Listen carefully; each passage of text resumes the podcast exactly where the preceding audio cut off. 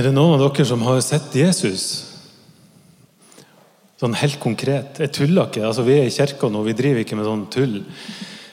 Det fins i hvert fall folk som påstår at de har sett Jesus. Helt konkret. Jeg har fortalt dere før om eh, naboen min.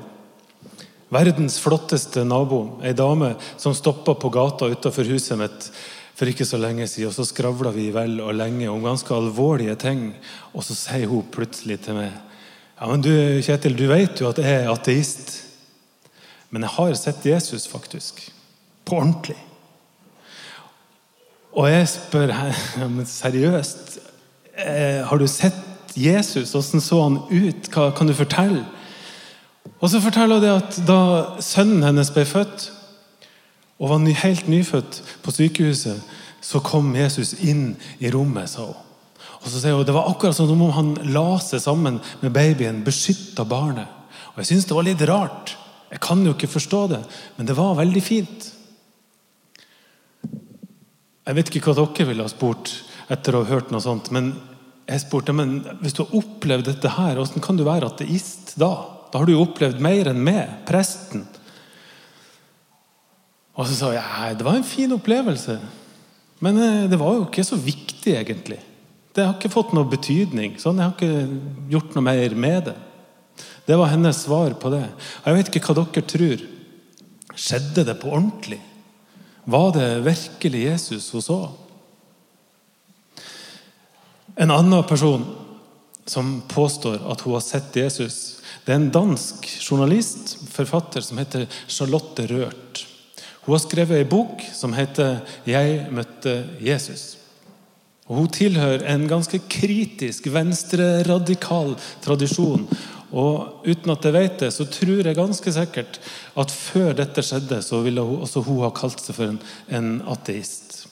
Men nå skulle hun skrive en artikkel om en spansk by.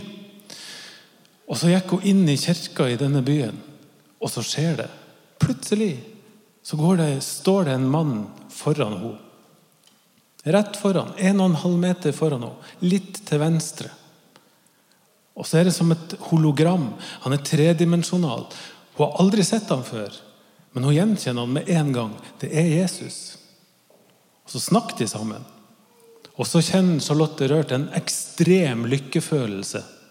Hun føler seg akseptert, godtatt, 100 og i tida etterpå så forandra livet seg totalt. Hun lever i noe som hun kaller en sterk forelskelse, bare ganger 100. Og hun får en ufattelig energi og livsglede. Og Så begynner folk rundt henne å spørre hva er det som har skjedd med det. Og Da er det at hun skriver denne boka, 'Jeg møtte Jesus'. En bok som har fått kjempegode kritikker, til og med fra de mest skeptiske kritikerne. I mange intervjuer så har denne dama sagt jeg vet jo at det er vanskelig å tro på dette her. Og jeg syns det er vanskelig å tro på sjøl, for så vidt, men egentlig ikke. For jeg vet jo at det er sant. Jeg vet at jeg sitter her og drikker kaffe. Jeg vet at sola skinner. Jeg vet at det var Jesus. Og Så blir jo spørsmålet til dere da, tror dere på det her. Er det sant? Altså, Er det objektivt sant, eller er det sant bare oppi hodet hennes? Teksten som Johanne leste, den er enda drøyere. Husker dere? En dag så tok altså Jesus med seg tre av disiplene sine opp på et fjell for å be. Peter, Jakob og Johannes. Og så skjer det. Jesus er ikke den vanlige mannen som de hadde blitt så godt kjent med. Men han ble forvandla. Ansiktet fikk et annet utseende. Klærne hans ble hvite. Blendende hvite, står det. Og så dukket Elia og Moses opp. De to som representerer loven, og som representerer profetene. De mest sentrale skikkelsene i jødisk tradisjon. De står der og snakker med Jesus, og de tre disiplene står og ser på. Jeg vet ikke om dere har tenkt på det, men jeg har tenkt på det. Hvordan kunne de vite at det var Moses og Elias som sto der? Altså De to karene der de har vært døde ganske lenge. De har vært døde så lenge at det var ingen som visste hvordan de så ut. Moses har vært død i 1250 år, og Elia i rundt 800 år. Og det fantes ikke noen bilder av de, og du kunne ikke gå og google de to karene der. altså. Hvordan kunne disiplene vite at det var disse to? Hvordan kunne de kjenne dem igjen? Er ikke det litt rart? Det syns jeg er rart. Og Jesus, som også er helt forvandla, likevel så var de ikke i tvil om at det var han. Peter han syns det er godt å være der. Han vil stoppe tida.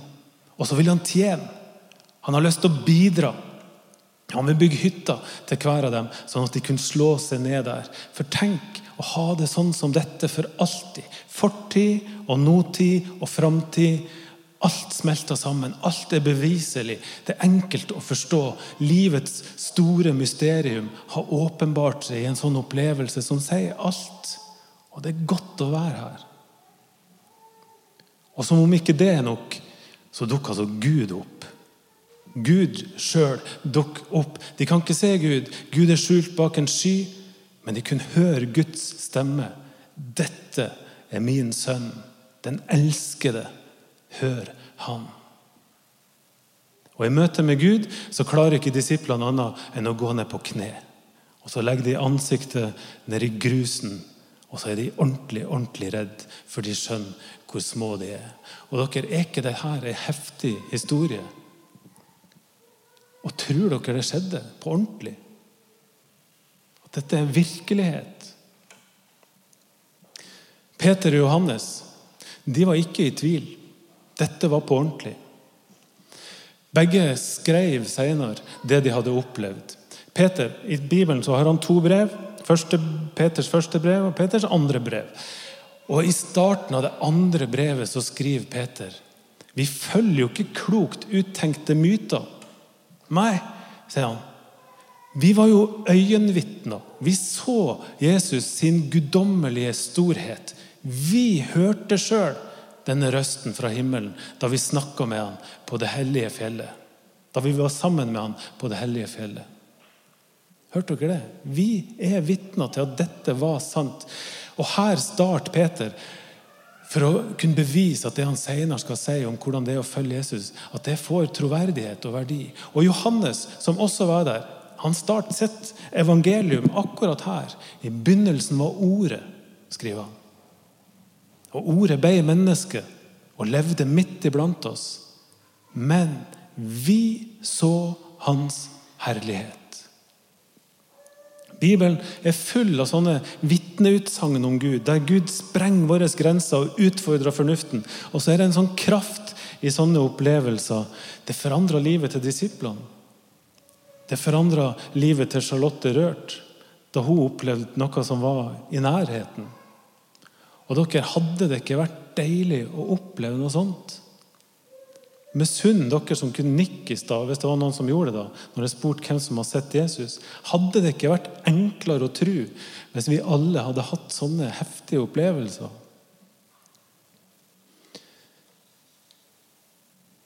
For to år siden så gikk det en film på kino. 'Den store skjønnheten'. Den har helt sikkert noen av dere sett. Det er en rar film, men veldig vakker film. Der alt foregår i Roma. Og det visuelle her, det er fantastisk. Det er så estetisk på plass at det er en fryd. Og miljøet som skildres i denne filmen, det er et sånn dekadent sosietetsliv. Hovedpersonen han er på min alder. skulle jeg si. Han er 65 år, en forfatter han heter Jepp Gambardella. For 40 år siden så skrev han en roman. Og så dro han til Roma. Etter det så har han ikke klart å skrive. Det har i stedet blitt mye fest, det har blitt masse damer og alt det der. Og i stedet for forfatter så ble han en slags konge i sosieteten i Roma. Filmen starter med at han feirer 65-årsdagen sin. Og det er masse vakre mennesker der. Det er pomp og prakt, det er fryd og gammen. Men Jep Cambradella han syns at han og eh, vennene hans lever tomme og patetiske liv. Og midt i dette her, så dukket det opp ei 104 år gammel mystisk nonne. Og hun spør hvorfor har du ikke skrevet en ny roman. Hva skjedde? Og svaret han gir, det er ganske interessant. Han svarer jeg fant aldri den store skjønnheten. Jeg fant aldri den opplevelsen som sa alt, som forklarte alt. Så derfor har jeg ikke hatt noe å skrive om. Og jeg lurer på av og til om det er sånn vi tenker om trua vår også. Om vi tenker at vi trenger en sånn opplevelse som sier alt. Vi må se Jesus sånn som disiplene har gjort. Hvis ikke så har vi ikke noe å tro på, noe som er skikkelig. Og Jeg er i hvert fall ikke i tvil om at Jesus kan utfordre fornuften vår. Jesus kan sprenge alle våre fysiske rammer. Jesus kan gå på vannet. Jesus kan helbrede syke. Jesus kan gjøre vann til vin. Han kan gi oss merkelige og store opplevelser som sier alt i et øyeblikk. Og jeg tror på det når folk sier at 'ja, jeg har faktisk sett Jesus'. Det går an.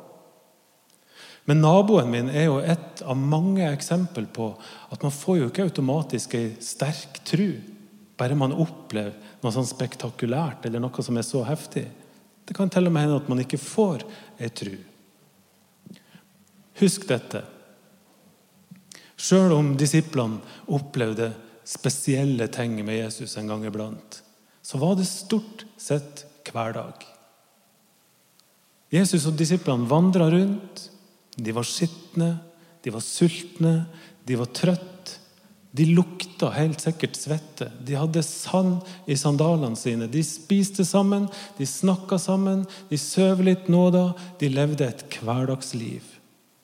Og Sånn var det også i dagens tekst, i hvert fall før dagens tekst. Dette som skjedde på fjellet, det skjedde ikke rundt middagsbordet akkurat. Men Jesus tok dem ut og vekk fra hverdagen og opp på et fjell. Og plutselig så er den store gudsopplevelsen over. Disiplene ligger på kne, og så hører de en stemme som de har hørt mange ganger før. Reis dere opp, ikke vær redd. Og så ser de opp, og så ser de ingen andre enn Jesus. Der sto han. Sånn som de var vant med å se han. Kom, så går vi ned igjen. Går vi ned til hverdagen vår. Til menneskene. Til behovene som finnes der. Til det vanlige. Stort sett var det hverdag. Og på slutten av denne filmen, 'Den store skjønnheten', der gjør Jepp Gambardella en stor oppdagelse. Han innser at han har faktisk sett den store skjønnheten likevel. Han har håpa på en sånn spektakulær hendelse som sier alt. Og det har han ikke fått. Men på slutten av filmen så innser han at det han har fått, det er et hverdagsliv der den store skjønnheten har befunnet seg hele tida. Og han har sett små glimt gjennom hele livet skjult i et annet menneske, f.eks. I kunst, i kultur, i arkitektur, i kjærlighet, i vennskap. Der har det ligget mange små glimt av den store skjønnheten. Og så går det opp for denne gamle mannen at alle disse små glimtene de danner til sammen det store bildet som han alltid har lengta etter å se. Og endelig har han noe å skrive om, så han begynner å skrive. Og Sånn tror jeg at det er for de fleste av oss. Det er ikke så mange av oss som har fått denne opplevelsen, den gava det er å få en sånn opplevelse som bare sier alt. Men på samme måte så tror jeg vi kan lene oss til at det går faktisk an å se mange små glimt av Jesus i hverdagen vår. En fisketur der naturen tar pusten fra oss. Det kan være et sånt glimt. En omtenksom venn som stiller opp når livet er vanskelig. Et bibelvers som treffer oss midt i magen. En bønn som blir besvart. Musikk som treffer hjertet. Kunst, arkitektur. Og dere, nå er vi jo i kirka. Her kan vi oppleve Jesus i fellesskapet. I bønnene som vi ber, i bekjennelsene, i tekstene vi leser, i ordene som blir sagt, i sangene som vi synger. Og hver for seg så er kanskje ingen av disse tingene så fryktelig mye å skryte av. Men til sammen så danner alt dette her Et stort bilde som sier alt.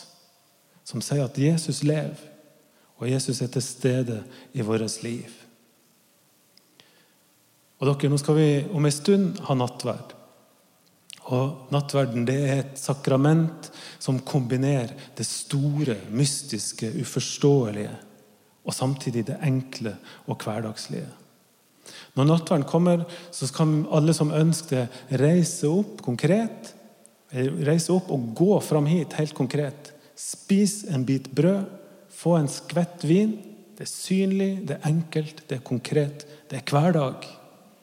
Og i denne enkle, hverdagslige handlinga så gjemmer det store mysteriet seg. Det store mysteriet som sier at Jesus lever. Og han er til stede i brød og i vin og tar imot alle som kommer. Og fyller oss med sin kraft, med sin glede, med sin ånd. Det er jo ikke til å forstå. Men det er ganske fint.